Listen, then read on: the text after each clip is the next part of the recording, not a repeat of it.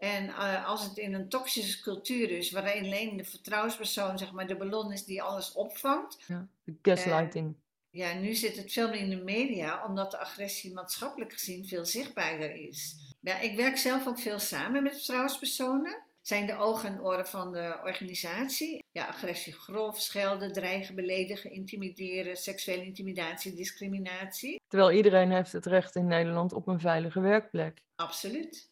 Maar het kan ook echt een ziektebeeld zijn. Maar je merkt natuurlijk wel dat die agressie sowieso in de hele maatschappij steeds meer en meer toeneemt. Ja, ja. ja wij noemen dat dan witte agressor. En ja, mensen gewoon steeds uh, ego egoïstischer, egocentrischer zijn geworden. Wat is dit? Ja, maar het is wel mooi dat je ja, heel veel mensen daarin begeleidt. Ja,